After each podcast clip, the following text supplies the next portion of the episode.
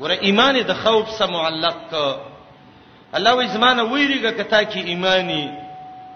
علما وې دي کې دلیل دی په دې چې ایمان مستلزم دی خوف لا که یو سړی دغه ایمان د سې چې د الله نه نه یریږي دا ایمان معتبر نه دی د الله نه بډیر یریږي د الله نه ډیر امید ساتي د الله سبا د ډیر مینه ای الیمان بین الخوف والرجاء ایمان دا دوه شی نه دي دته د ایمان وزري وای چې د الله نه به امیدم ساتي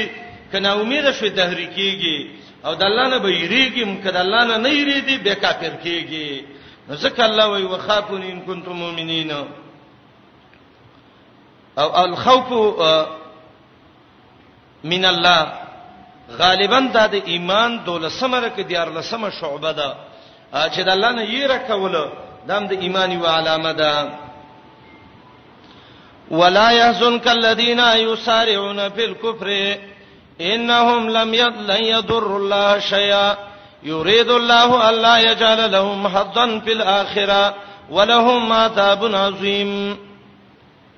ولا يحزنك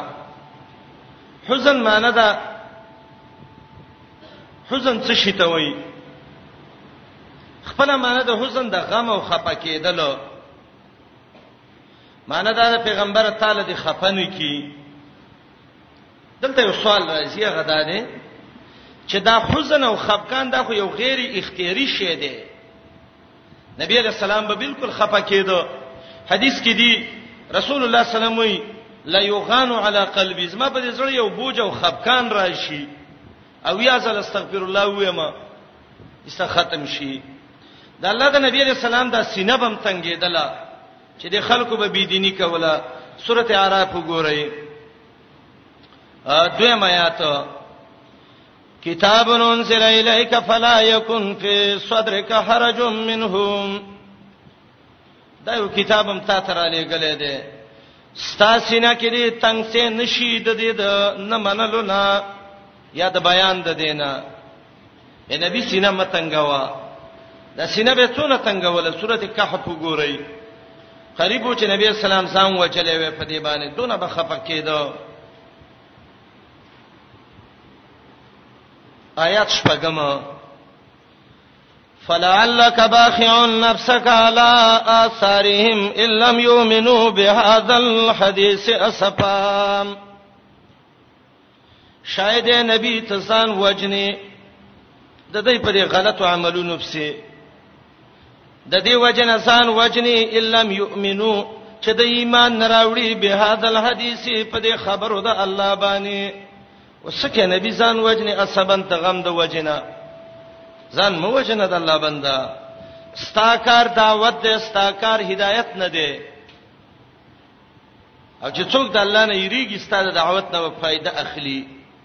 نو سره شی وګورئ د الله نبی علی السلام خو خپه کېده خپکان خو یو غیر اختیاري شی دی نو الله ته څنګه وی ولا يحزنک الذین نو تاسو به وی چې دلته د حزن نه مراد هغه اثر دی چې هغه په دې غم باندې مرتب کیږي الاثر المرتب علی الحزن هغه اثر چې هغه په دې غم مرتب کیږي هغه څه دی ترک الدعوت چې الله طرف ته دعوت نه کې نو اسمانه وکي ولا يحزنك خفدن کی تعالی چې دعوت پرې دی څوک الذين غ کافرون يسارعون في الكفر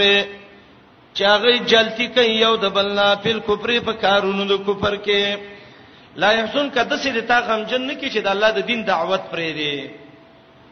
لا يحزن ک به ترک دعوت الى الله او دا الذين يسارعون في الكفر یا منافقان دي او یا يهودین دي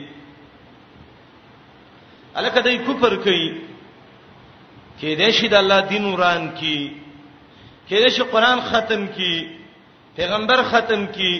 د الله د نبی قانون د دنیا نه ورکی الله وینا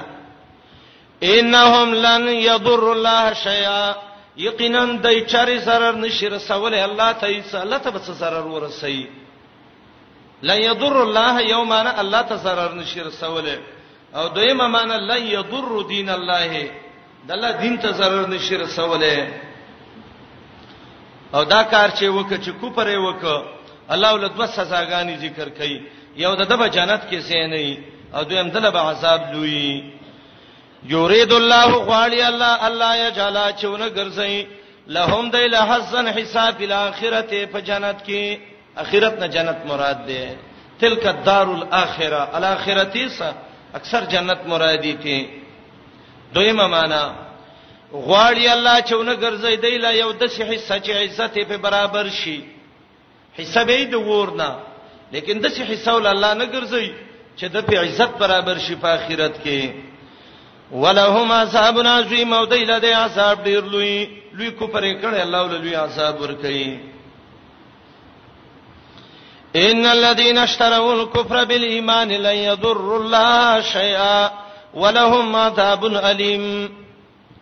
دی آیات کې اوس حال د منافقانو ذکر کړي دا آیات د مخ کې سره بد ده مخکې آیاتونو کې هغه چاله تخویب ورک چې ښکارا کافر وو یسارعون فی الکفر د آیات کې تخویب پر کوي هغه چاله چې هغه کفر کوي لیکن د اسلام په جامه کې کوي د اسلام جامه کې ځان کافر کړي دي چې هغه ته منافق ویل کیږي الله ويا خلق اشتروا الكفر بالایمان چې کفر په ایمان غسته دي نو دلته سوال راځي چې د منافق څخه ایمان شته دی نه الله وی وما هم بمؤمنین نو څنګه الله وی چې ایمان ورکو کفر یې واغسته نو بعض علما معنی کوي چې الکه د دې ایمان نه هغه ایمان مراد دی چې کوم ایمان باندې دا پیدا شوه دی ځکه هر بچی چې پیدا کیږي د په یو فطرت اسلامي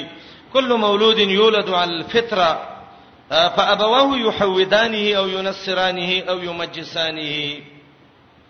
د الله نبی علیہ السلام وی هر بچی چې پیدا کیږي د په یو فطرت اسلامي پیدا کیږي به یې خپل يهودي کې یا مجوسي کې یا نصراني کې نو ایمان یې ورکاغه فطرتي ایمان یې ختم کو کفر یې واغستو او دویم دا چې ایمان یې څو هغه معمولی غونتی ایمان چې آمنا مخکې ویلو کنه چې ومن الناس من یقول آمنا او یا اشترا په معنی د غوروالی صدا یقینا هغه خلک اشترا ول کو پرا چې غوړه کړي د کفر بل ایمان کې بعد مقابله د پاره ده کوپر غره کړه دې بل ایمان په مقابله د ایمان کې يهودان غره کړه نصاره غره کړه ډالر غره کړه ایمان یې ول ورکړه لن يضر الله شيئا چر سرر نشر سوال الله تیس آیات مخکې مات کدل تم اشاره ده ته چې کافر هم الله ته څه نشي رسولې zarar منافق هم نشي کنه ولهم عذاب الیم او دیل د عذاب درناک ګوره کافر بارکی ویل عذاب عظیم دی ولا او دلته څه وای عذاب الیم دی ولا ځکه د کافر کفر ښکارو او د منافق منافقت پټو او الیم هغه عذاب ته وای چې پټ اډو کې د انسان و دردي ولهم عذاب الیم ولهم عذاب مؤلم دایله د شي عذاب دی چې د دې د اډو کې به و دردي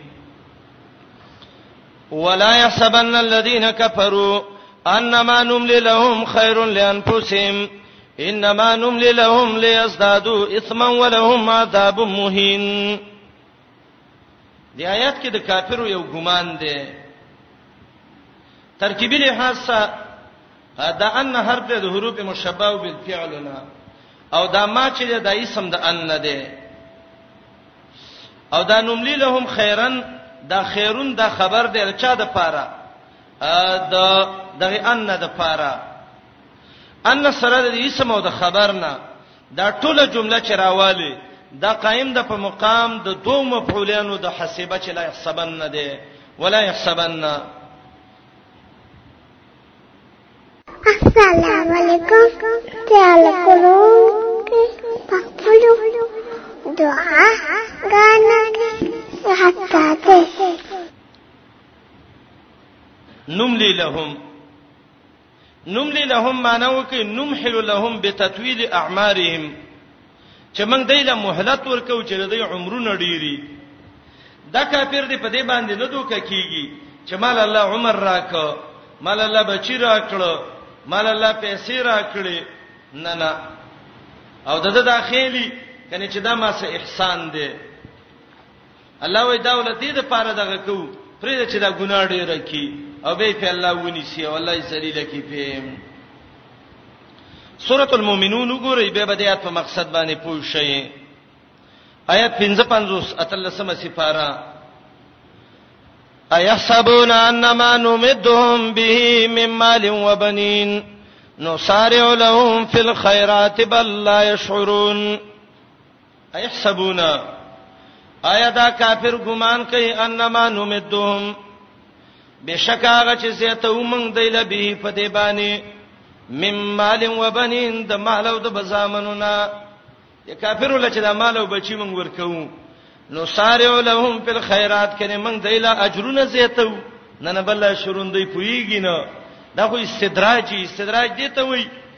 یو سړی به دینی کوي او الله په دا نعمتونه ډېرې ابتلا بالنعم والنقم است الله ونی سیو په دې بل طرف کې تاریخ لیکي وای د فرعون د دون حکومت تیر شوو او په دې باندې د سر درم نو راغله او چې الله ونی به ول سم چپا ور کړ درېب کې د قشان دی آیات کې مله رب العالمین وای و د دې کافرو مقصد دا دی کني چې دا زمنګ د عمر زیاتېدل بچی زیاتېدل مالونه زیاتېدل دا کني زمنګ د پاره خیر دی نه نه لیزدادو اسما د تلام د علت او د عاقبت وای دا زیتوالی علت دا چې د پرې د شه د ګناهونو ډیر کی او دا کافر چې دی ګوره ایمان نه راوړي ولی دا ایمان د تسپک ښکاری الله وی ولهم عذاب مهین دا بس په دسه عذاب باندې تبا کما چې دا بس پکی او ختم به کی ولا يحسبن الذين غمان دین کیا خلق کفرو چې کافر دي انما نملي لهم اغه چې موږ زه ته دی لپاره باندې د بچو او د مالونو د دینه خیر لانفسهم کنه دا غره د دې د نفسونو د پاره انما یقینا نملی لهم من مهلت ورکو زیته ودیلا لیزدادو د دې د پاره چې زیات کی اسمن ګنا پرې چې ګنا ډیر کی به بد الله مخله ورشي ایمان نه راوړي ولی ایمان او تسبق ښکاری الله وی ولهم عذاب مهین دی لدی عذاب سپکونکې د سي عذاب باندې به الله وسی چې سپک به کی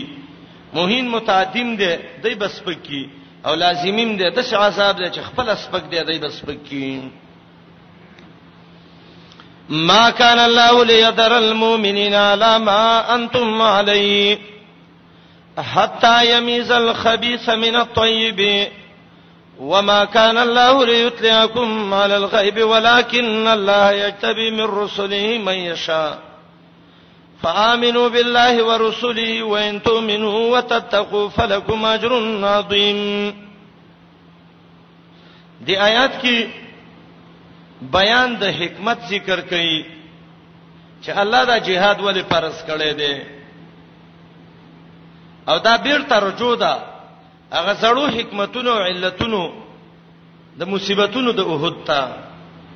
منځ کې بس ختم شبه زړه خبره شو دا مؤمنان الله رب العالمین ولی کمزوري کړ په احد کې الله د دې وجه ذکر کوي دا د دې د پاره دا جنگ وشو د مؤمنانو باندې د امتحانات رااله چې الله د خبيث او طيب جدا کړي د خبيث او طيب په باره کې درې مشهور قوله ابن عادل دمشقي اللباب کې ذکر کړی دی یو قول دا دی چې خبيث څه شی دی منافق او طيب څه دی المؤمن المخلص خالص مؤمن ور الله نه غواړي چې د سیګارډ ورټ پاتې شي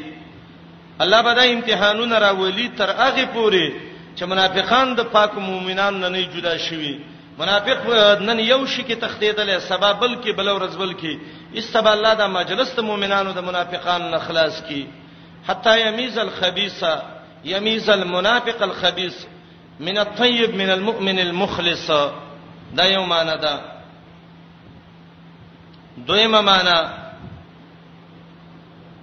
د خبيث نه ګناهونه مراد دي او د طيب نه مراد مؤمن دی او د يميزه معنی د يهود ته حت ویل کیږي رجولو ته او دا اصل کې علت د ما سبقه د پاره دی نو عثمانه وکي دا مصیبتونه الله را وستلولې دا به الله را ولي حتا تر دې یمیزا چې الله ورجی الخبيثه دا ګناهونه من الطيب دا پاک مؤمنانو نه مصیبت راځي الله دې ګناه لري کوي یمیز په معنا د یحتو څه شي ابن عادل دمشقي وایي او معنا به د آیات دا شي الله د امتحانونو مصیبتونو راولي تر هغه پوري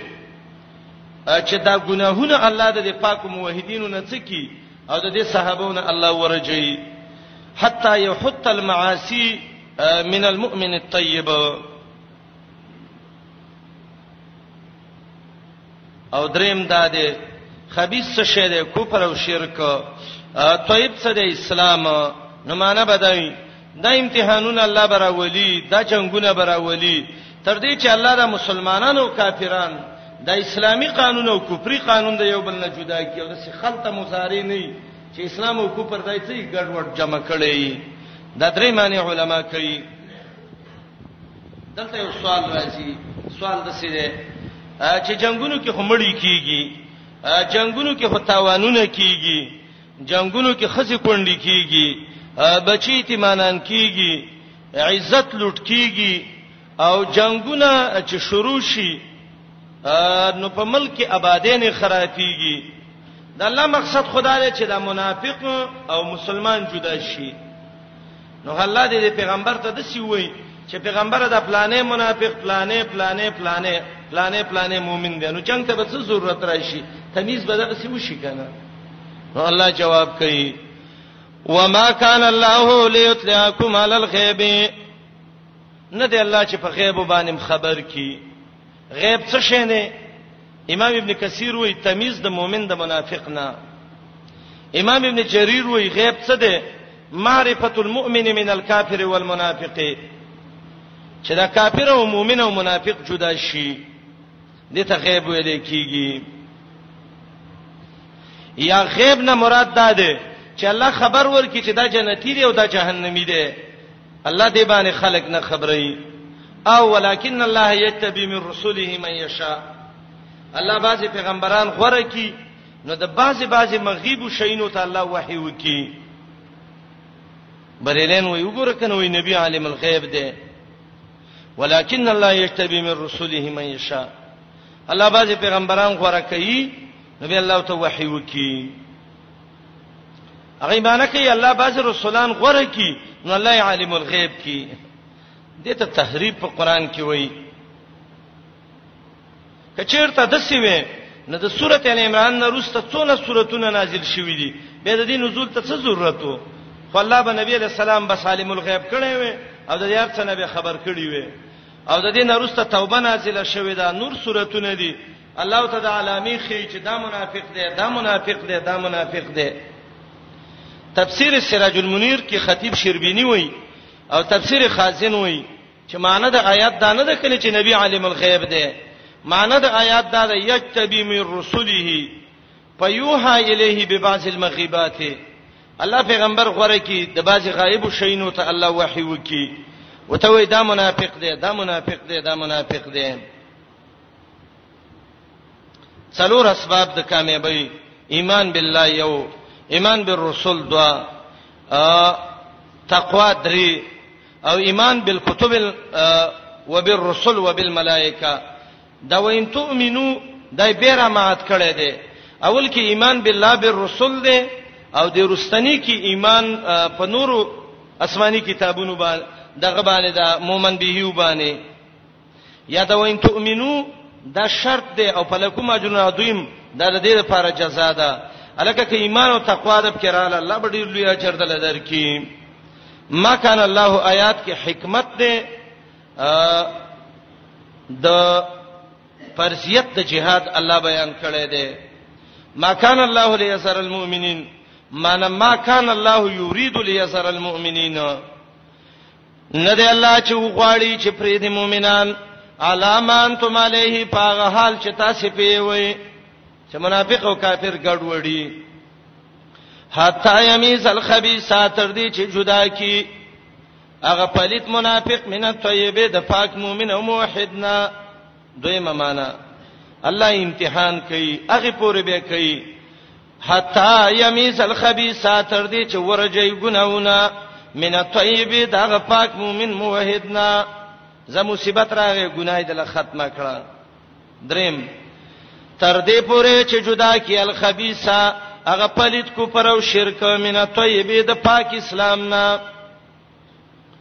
وما كان الله ند الله ليطلعكم چې خبرم کی علی الغیب په غیب باندې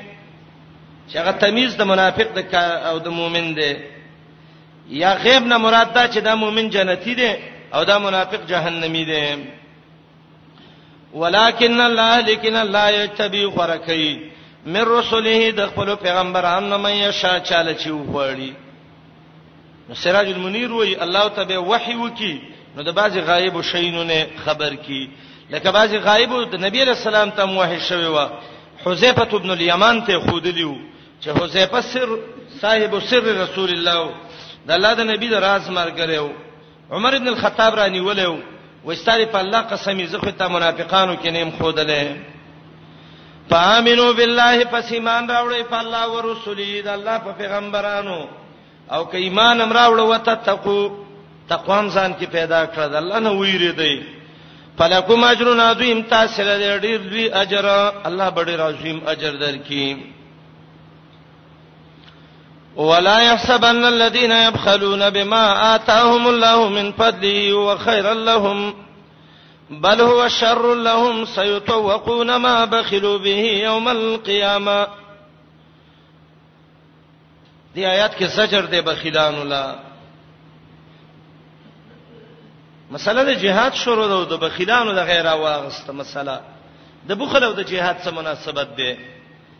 نه مناسبت شته کنه بخل چې کله ډیر شي نو کله کله سړی کې د منافقت ماده پیدا کوي ورمال وسده جهاد کې نه لګي مال وسده د الله دین باندې نه لګي نو الله زورن اور کوي دی بخیلانو لا هغه خلک دې ګمان نه کوي چې الله ولکم فضل ورکړی دی فضل څه دی علما وی الفضل فضلان دو فضل دي د الله فضل العلم او فضل المال الله لچا الله رب العالمین چا علم ورکو هغه په دې بوخل نه کوي چې دا علم څنګه چاته وخېما نه نه واما بنعمت ربک فحدث د الله دې نعمت باندې بیان وک خلکو ته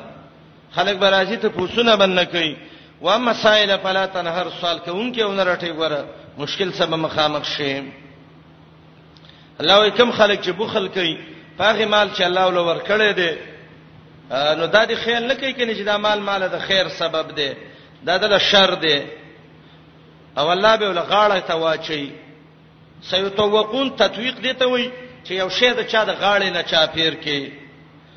او حدیث کې د دې تفصیل راغلی دی نبی علیہ السلام وی کوم سړی چې د خپل مال نه زکات نه ور کوي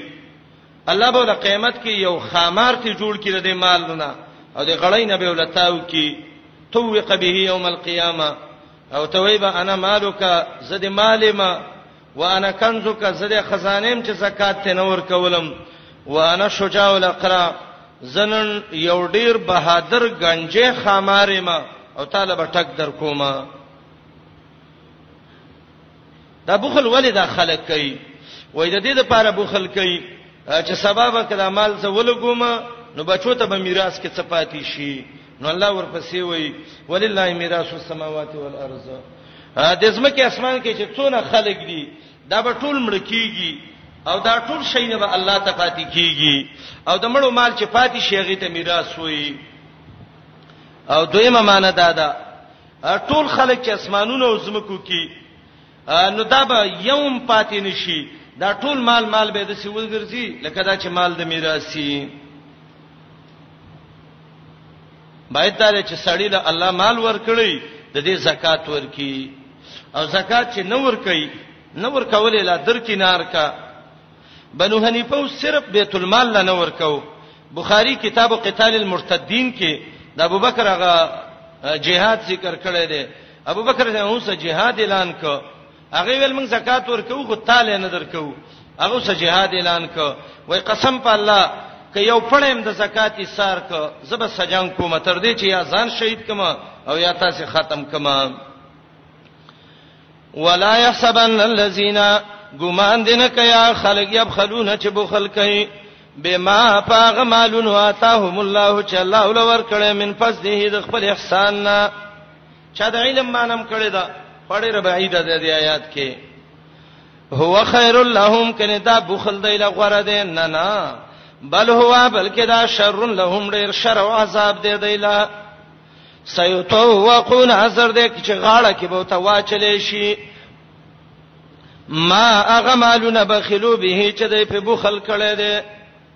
کله به ته غاړه ته واچل شي یوم القیامه په ورځ د قیامت کې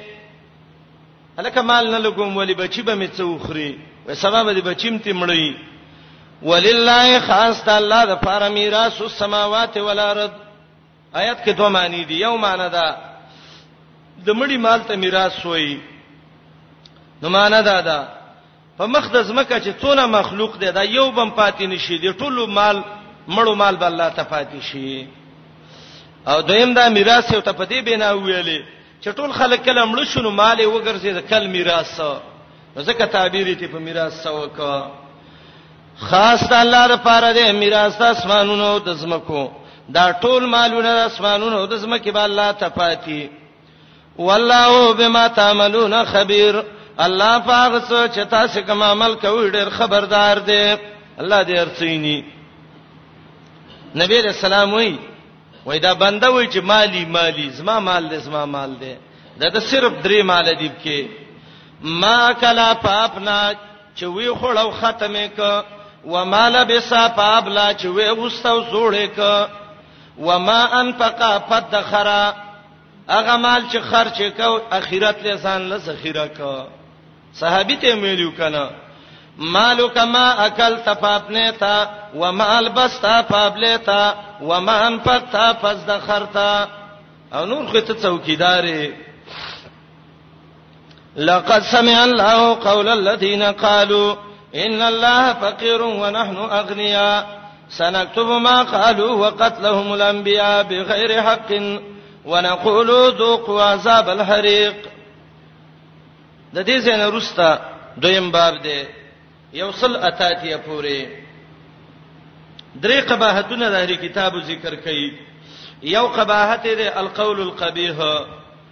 ډیره خوش رزيله وینا کوي دا په دې آیات چې لقد سمع الله او دویم قباحت دې ال انکار عن اتباع الرسول د پیغمبر خبره نه مني بدلیل الکاذبین یو د دروغ دلیل ځان له جوړ کړي دي الذين قالوا ان الله عهد الينا دغه آیات کې او دریم کتمانهم للآیات د الله آیاتونه پټ کړی دی ګوره دین پټای دون سالمان دی وایذا خذ الله میثاق الذین اوتل کتاب او بهبا په دې مین مینس کې د باب ترغیب جهاد او ترغیب انفاق فی سبیل الله لور کې لقد سمع الله دا اولنۍ خبره ده دا الزجر لهم بقولهم القبيح خوش وینای کوله غلطه وینای کوله او د دې آیات د مخکې سم مناسبت ده ده الله وی الله ته دا مالونه ولی غاړه کې چي د خلک ولی د څه خبيسان دي او د خلکو له ولی د څه عذاب دي ګور الله وی د څه یو خوش وینا کوي نو څوک چې د څه وینا کوي د عذاب پکاري د يهودانو به ویلې خبره څه ناشنا ظالمانه خبره کوله وای الله غریب شوه دی مشران برا پاتېدل او د کشرانو ته به دا خبره کوله علما وای تلبیسا علی الضعفاء دای په دې کشرانو باندې دا د پیغمبر نه دا حق ګډوډو کشران به را جمع کړو راځي یو مشوره کوو څنګه مشوره ده راځي یو د دین خبره تکو نو کشرانو به ویل چې دا خو مشران دي او دا خو د الله د لارې نه خبر دي او دای مونږ ته غلطه لار نه خي بعضی مشری بی دینه مشری ائمه الکفر چوته وای او بعضی مشری هغه صحیح مشری الله دې زمنګ مشران صحیح خلق کی دا یو بی دینه خبره به کوله دا به ویلې اې کشرانو الله غریب شوه دی او موږ مالدار شویو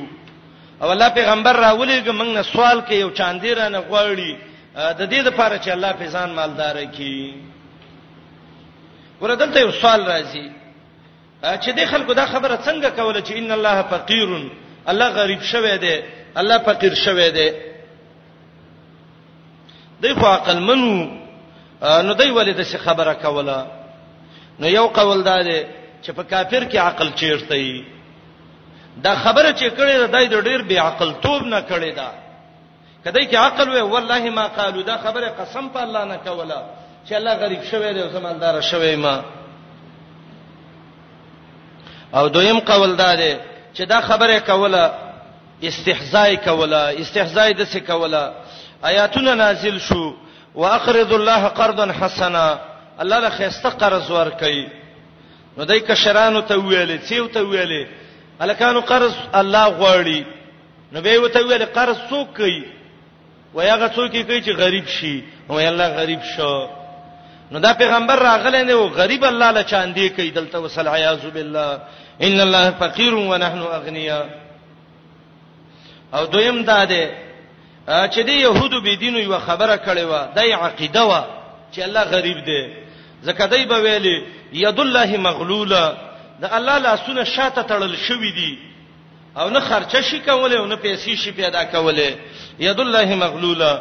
او یو سړی ته ول لاس وتاړو یو ځای کې واچوا کدار سونه مالداري ضرور غریب کیږي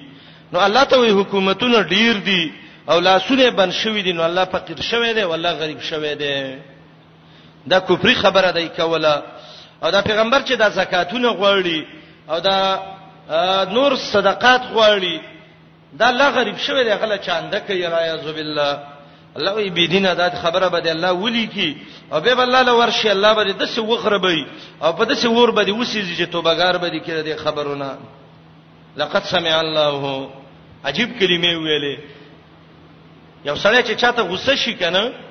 او نه اهل خبره د چا باره کې وکی مثلا ستا باره کې یو سړی لګی دی او بل ته وای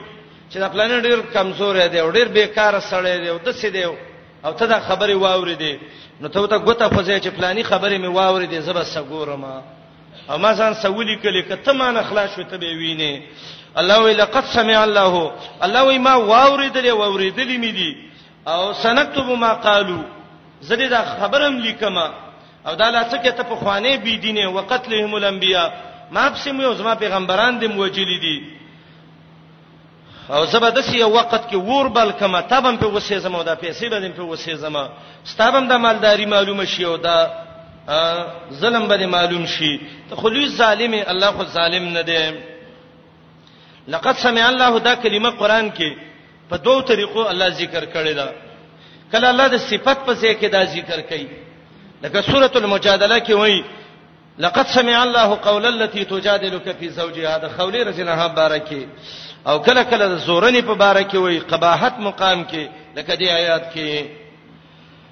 لقد سمع الله يقينا اوریدل د الله قول الذين وینا دا کافر قالو چې ویلې ان الله فقير يقينا الله دې غریب ونحن اغنيا منګ یو مالدارا ته څه مالداری به سي سنكتب ما قالو خام خالقو هغه خبره چې دای کومه کولا عبد الله ابن عباس رضی الله عنه وی وای دا خبره دی به حیا او خلکو د پیغمبر مخکیم کړي وا چې دا ته زکاتونه غواړي نو استا الله غریب شوه دی او موږ مالدار اوسې موږ نه غواړي زه خشه چې د الله دې موي موږ ته محتاج شو الله وای سنکتبو خام خالقو منګه ما قالو هغه څه چې دی ویلو یا سنکتبو باج علماء وای سنجازي خامخا بدلی ورکو دیلا ما قالو دا غي وینا چې دای کړی دا دایلا څکه وقتلهم الانبیاء وجلد دای پیغمبرانو لا بغیر حق ان پنا روا باندې پیغمبران به وجل حق وجل دالي چې ما مخ کې ویلو چې یا چا زنا وکړه مړې کړه واده والای یا کافر مرتد شو یا بل مړک پیغمبرانو خدای یوم ندی کړی او دای به وجل د آیات کې یو سوال راځي سوال دا دی چې د کشرانو خو پیغمبران نه دی وجلی پیغمبران خو چا وجلیو مشرانو وجلیو او الله رب العالمین دای ته وی چې تاسو پیغمبران وجلیو نو دا قتل الانبیاء خو مشرانو کړو کبراوي کړو نو په عمل د غیر باندې الله دای له څنګه عذاب ور کوي چې الله ته وقتلهم الانبیاء پیغمبران موجلی دي نو دې جواب به وکي هغه دا دی چې نسبت د قتل دی ته وکولي دی په دې قتل راضي وو دا به ولې زمونږه مشرانو د پیغمبرانو وجود ډیر خکاری په کړه دی وکانو یفتخرون بذالک په دې به فخرم کو په خپل مجلسونو کې ویل به دا محمد رسول الله په من ځان وجنی لکه زمونږه مشرانو چې دغه مشران مرګري وجلی وو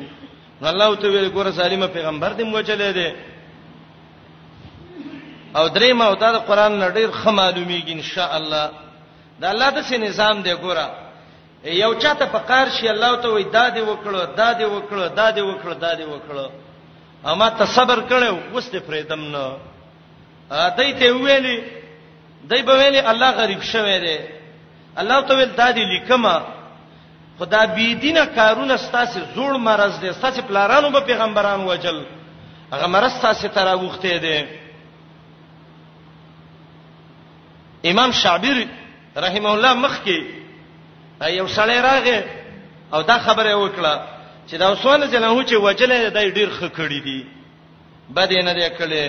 امام شابی ته وایي شریک ته په دمه د عثمان د یینې توې کولو کې تم شریک شوې هغه لچ څونه سزا الله ورکړي طالب هم الله دا نه درکې ځکه ته په ګناه باندې راضي شوې نو پلارانو پیغمبران وجدي خدای په خوشاله او د بل په ګناه چې خوشاله شوې پوره ګناه کې هغه نستان کیږي وقتلهم الانبیاء وجلد د پیغمبرانو لا بغیر حق فناجه سبانه او ناروا باندې ونقول قیامت کې به ویو دیتا دا قول یاد الله دی یاد ملائکه دی ذوقوا وتقوا طول عذاب الحريق عذاب دا غور چې هغه سوزون کې دی عذاب الحريق عذاب النار الحريق دا عذاب الله ولی ور کوي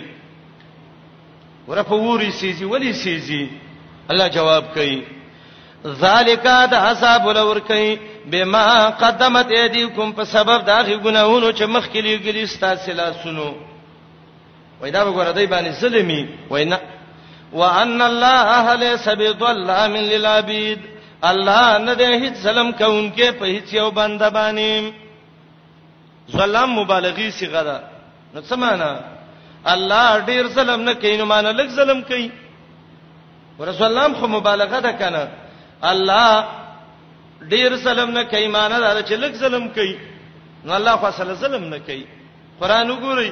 حامیم سیدا د الله صفات وګورئ حامیم سیدا راوړوي آیات غالبا شپږ څولې خیات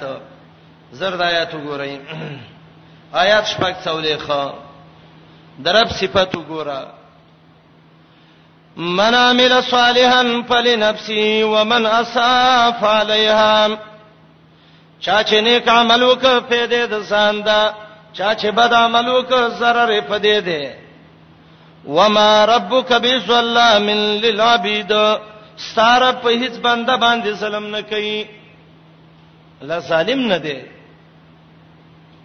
ظلم مبالغه ده دا مانونه کوي چې الله ډیر ظلم نه کوي ولک کوي جلالین وای دا مبالغه ده او مبالغه کې معنی دا ده الله ډیر ظلم نه کوي نو چې ډیر نه کوي نو لک خو په طریقې اولا نه کوي چې ډیر د سړی وس کې یو نه کوي نو لک خو په طریقې اولا باندې نه کوي او باج علماء وایي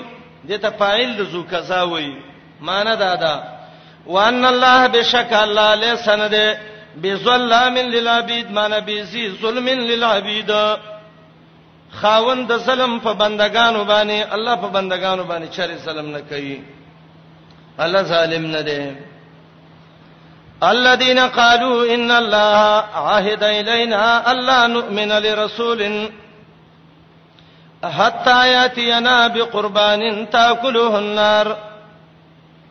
دې آیات کې الله د دې دویم مرز ذکر کړي او په دویم مرز ولا دغه ور کوي دا زجر او زورن او لور کوي دویم مرز ته دی څو د الله د انبیانو نه به انکار کو او د دروغو دلیل به ویو د چا چې خوې خراب یې غته باندې ډېر یادي بعض علما وایي د الذين قالوا ان الله عهد الينا دا کعب ابن اشرف هو چې دا د يهودو یو لوی طاغوت مولاو مالک ابن سیف او د دغه بيدینه او بل وحب ابن يهوذا او هغه ابن عزورا او د يهودو تنور مولینو عبد الله بن عباس رضی الله عنه وی رال محمد رسول الله ته ویلې اے محمد رسول الله من ته تورات کې الله ویل دي چې الله به پیغمبر منی چې دا قرباني وکي او به د قرباني پسې ور راشي او دا ور ول وسیږي دا قرباني ول وسیږي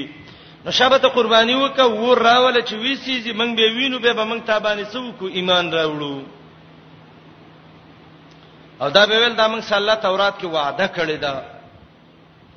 الله ته جواب کوي تاسو کوم ځای کې د خلک وای نور پیغمبران د دینه مخ کې راغلیو دلایل موسو قرباني به ورم سیزله نو تاسو دا غي تکذیب کړي نو زما خو په طریقې اولا باندې کوي سیده دا خبره مې لمنلې وي په غزمانه مخ کې نور پیغمبران چې راغلیو او دا غي په قرباني په سبب ور راته او سیزله به ولنو تاسو هغه پیغمبران نو ولې انکار کوئ وبالذي قلتم او راتګ کړو په هغه علامه چې تاسو ویلیو فلم قتلتموهم ولم وجلیو بینات وسو ستاسو دا خبره وسو او بهم تاسو وجلیو نو معلومیږي د تاسو زدین وي عنادین وي تاسو کې د حق طلب نشته دی او مفسرین وي دوه قول ذکر کوي یو قول دا دی چې دا دی خلکو د ځان نه دا جوړ کړیو تورات کې دا الله نه ویلي چې د نبی ایمان به په نبی باندې ال معتبر کوي ال په پیغمبر ایمان راوړي چې هغه قرباني راوړي ووري وسیږي دا تورات کې نه وو او دویم قول دا دی چې تورات کې وو خدای په کې تحریف کړو تورات کې د سیو چې تاسو لا یو پیغمبر راغې د بنی اسرائیلونه اذا جاءکم رسول من بنی اسرائیل فلا تؤمنوا به حتا تاتيكم بقربان تاكلوه النار نو دای ته بنی اسرائیل لپس کټ کو نو ویل اذا جاءکم رسول چې مطلق پیغمبر دل راغې نو ایمان به په هغه پورې نه راوړي چې قرباني راوړي ووري وسیږي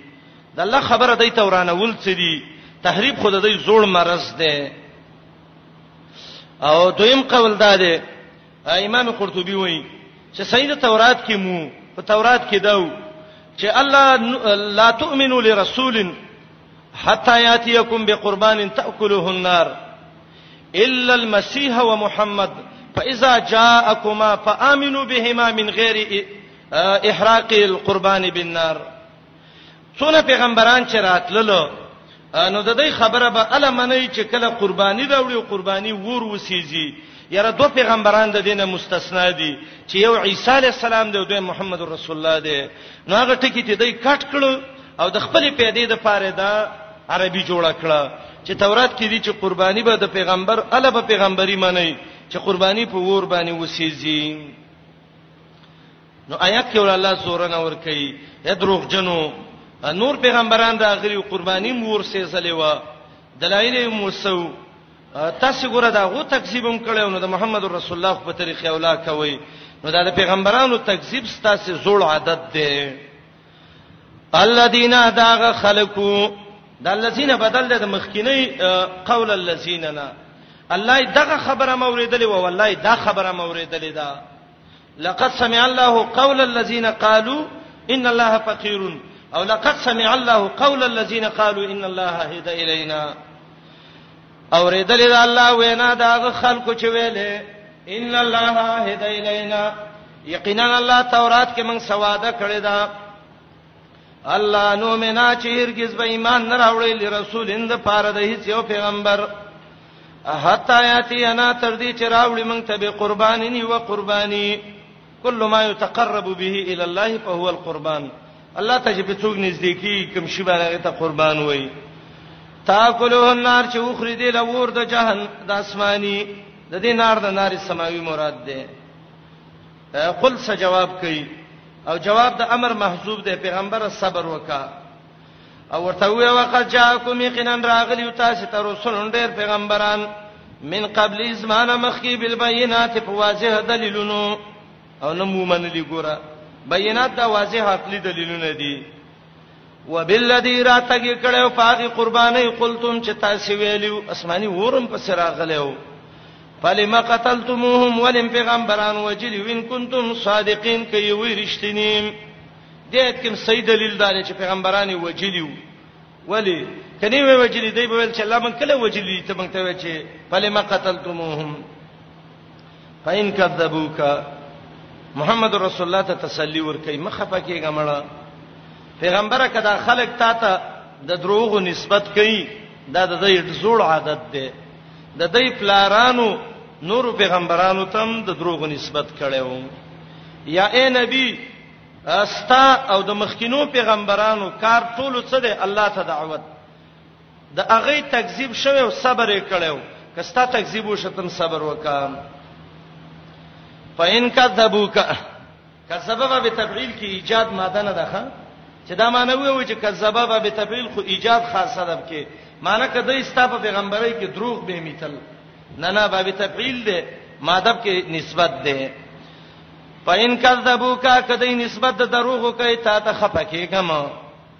دا د سلار دا فقد کذبا یقینا نسبت د دروغ شوی او رسول ډیرو پیغمبرانو ته من قبل کستانه مخکي هغه صبر کړي او تم صبر کوا جاءوا غیرات کړیو بالبينات په واضح دلیلونو والزبر او پاغ اسماني لیکل شو صحیفو باندې والکتاب المنیر او کتاب رڼا کونکي حق لا بینات عقلی دلیلونه زبر نقلی دلیلونه او کتاب المنیر وحی دلیلونه او بینات راوړي او عوام لا او زبر راوړي او سات الناس لا او کتاب المنیر راوړي هغه خاص خلق لا جاو راتګه کړو بل بینات په واضح دلیلونو و زبر او په صحیفو لیکل شو اسمانیو باندې والکتاب او راتګه کړو په هغه جنسي کتاب المنیر چې غرنا کوونکې او په حق باندې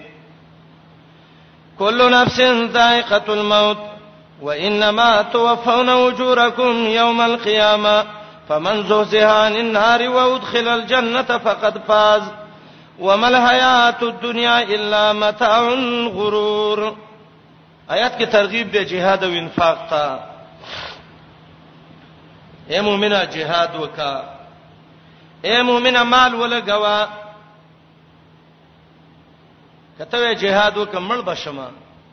الله وی کم شی چې د سا والا دی هغه به یو ځل د مرګ چکی کله نفس ذائقه الموت نفس د سا والا ته وی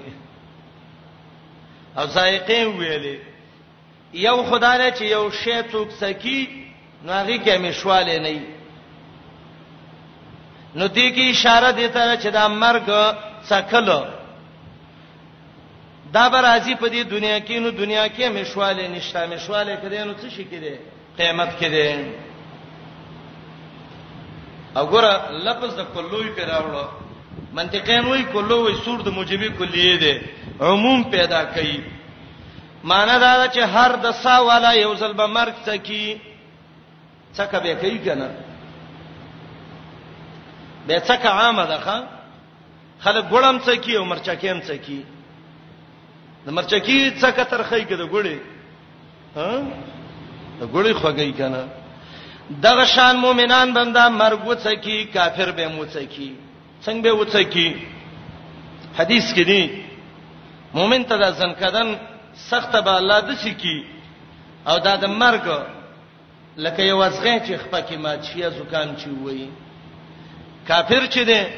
د دنه روح به څنګه وځي الله هم دې وساتي دي عیسی علی السلام ویلو کشاتن تسلخو بيد القصاب حیا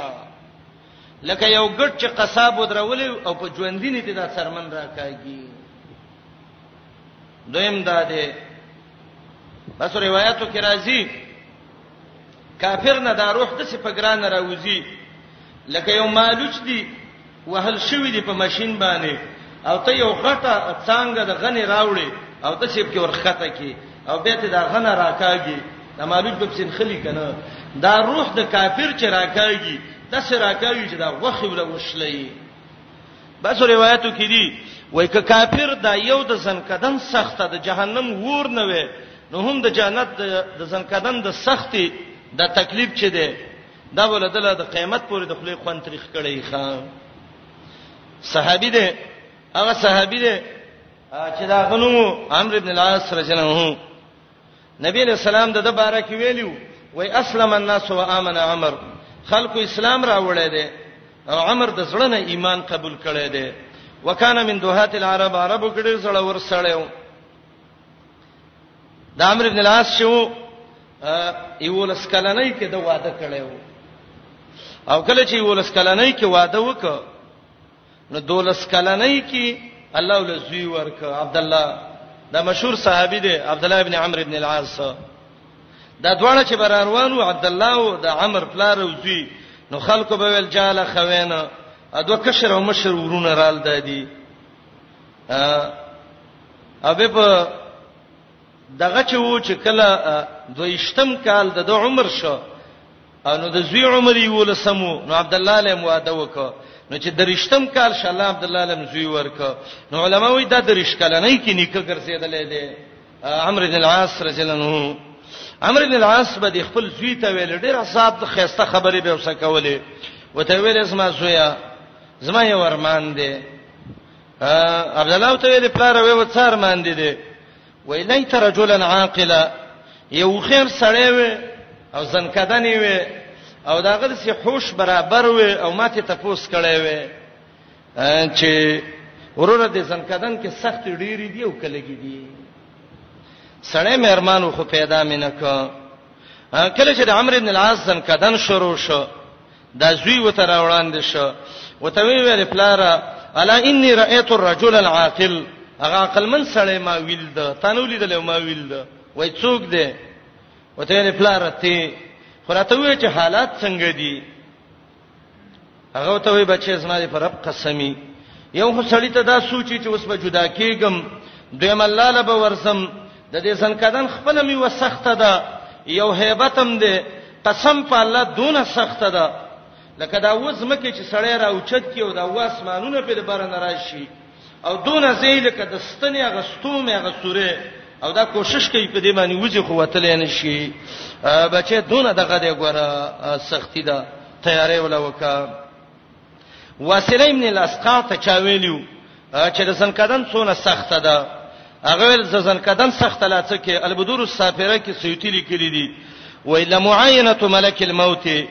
د ملک الموت چې ویني د انسان دون یریږي اشد من الف ضربه بالسيف لکه یو سړی چې د میدان کې چلی او زر کسان وته ولاړی او د زر تورو گزارونه پیو کې نو ستاسو څه خیال دی چې د دبا بدن کم ځای پاتې شي د درد نه ما سیوا قسم په الله وجه د ملک الموت د لیدل دونه د غدی دا زور او hebat سړی لور کوي کله نفس ذائقه الموت هر سا والا د مرګ به یو ځل څکی بیا چا څکه ترخی الله دې وساتي تی او د چا څکه د ایمان صحیح خوږی ځکه کله چې دا کافر ملکیږي مشکات کې حدیث ته ډیر ملائک ولا راشي یو بل ته وي تور مخ کې شروح ته والا غوي بل ته وي تور مخ کې شه یو یو ملک په یو بد شکل شکل کې ولا راشي او تویا ایتها النفس الخبيثه كانت في جسد خبيثه اے مردار روح چې په مردار بدن کې وي پلیت روح چې په پلیت بدن کې وي ورننه او سره وزه اخرجي راوزه او زته دا خبره کوم چې د الله عذابونو لورزه او ورب علیک غضبان الله تړیر غصه دی وربشي الله الله به سم کی او به ته دغه سراخ کی او کله چې نیک سړی ډیر ملائک راشي مد بصره د د نظر د مناسب چې څونه نظر یې لګي وتکینی خسته ملک یو وای زور زم بل وای زور زم دا ملائکه ته وای یا ایتها النفس الطیبه كانت فی جسد طیبه یا پاک روح چې په پاک بدن کې وي ادخلی الی روح و ریحان راځه را وځه او ننوځه غ نعمتونو او رزقونو کې ورب علیک غیر غضبان الله د ته غصه نه دی الله نه سم خوشاله دی راځه الله دې موږ دې مستاق وګرځي کل نفس ذائقه الموت هر ساواله یو ځل به د مرګ څکی علما وایي که یو دوه کسان یو قسم وکړي یو ول زما په الله قسم مرګ یقیني دی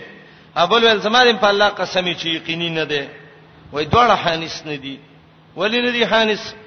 مرګ یقیني دی په دې معنی چې په هر چا راځي او یقیني نه دی په دې معنی چې دا پته نه لګي چې چا مرګ مخ کې دی چا روسته دی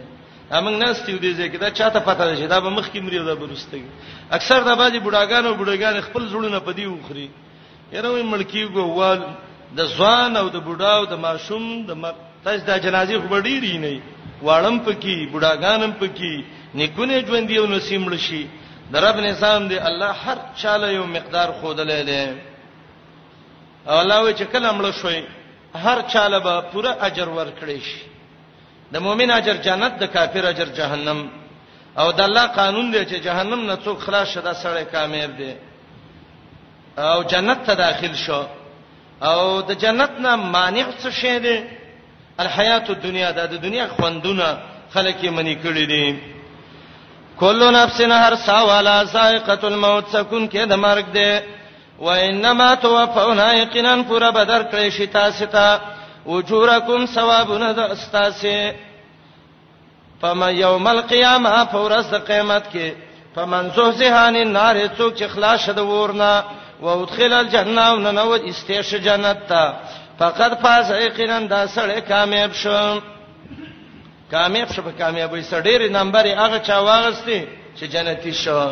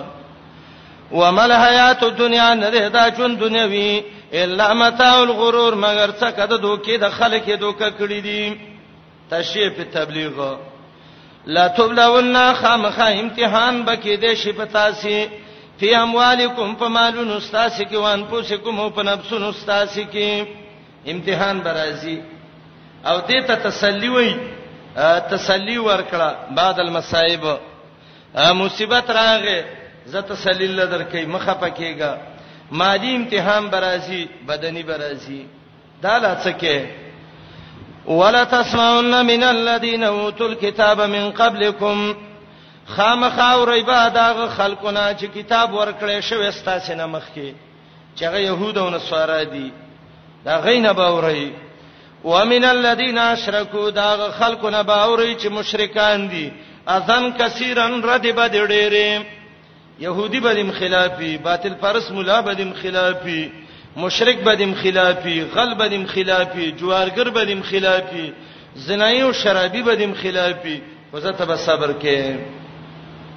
کبیر کی راضی د سفیان نه نقل کړي دي و اذا وجدت عالما محمودا فی جیرانه کله چې یو مولا دی به میته چې گاونډین صفات کو چې ډېر خمولې شیب دی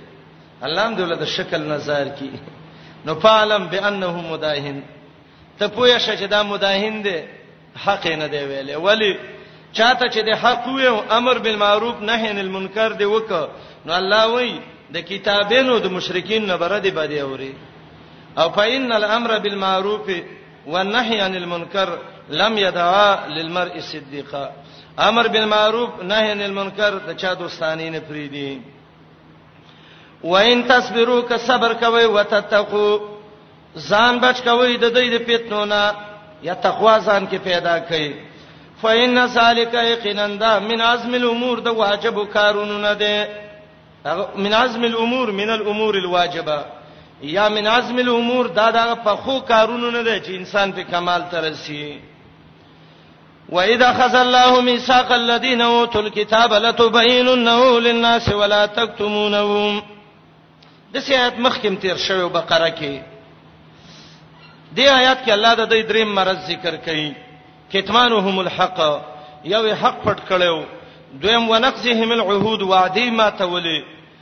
الله ول په دې عمل باندې زجر ور کوي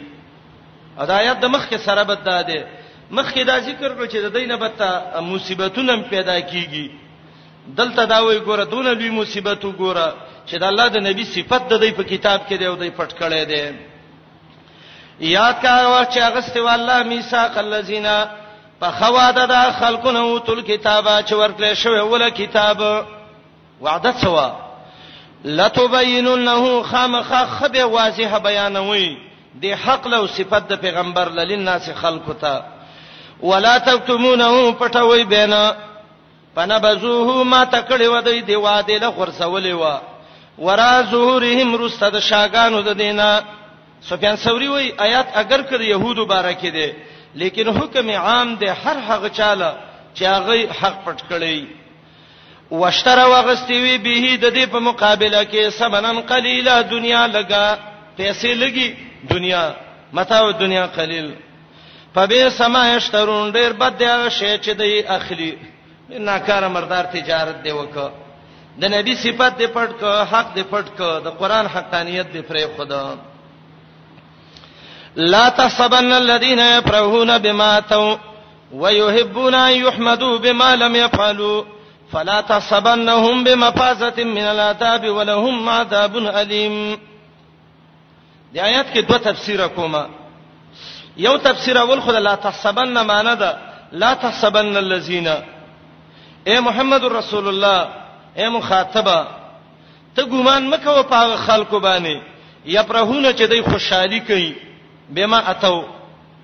بما تو کې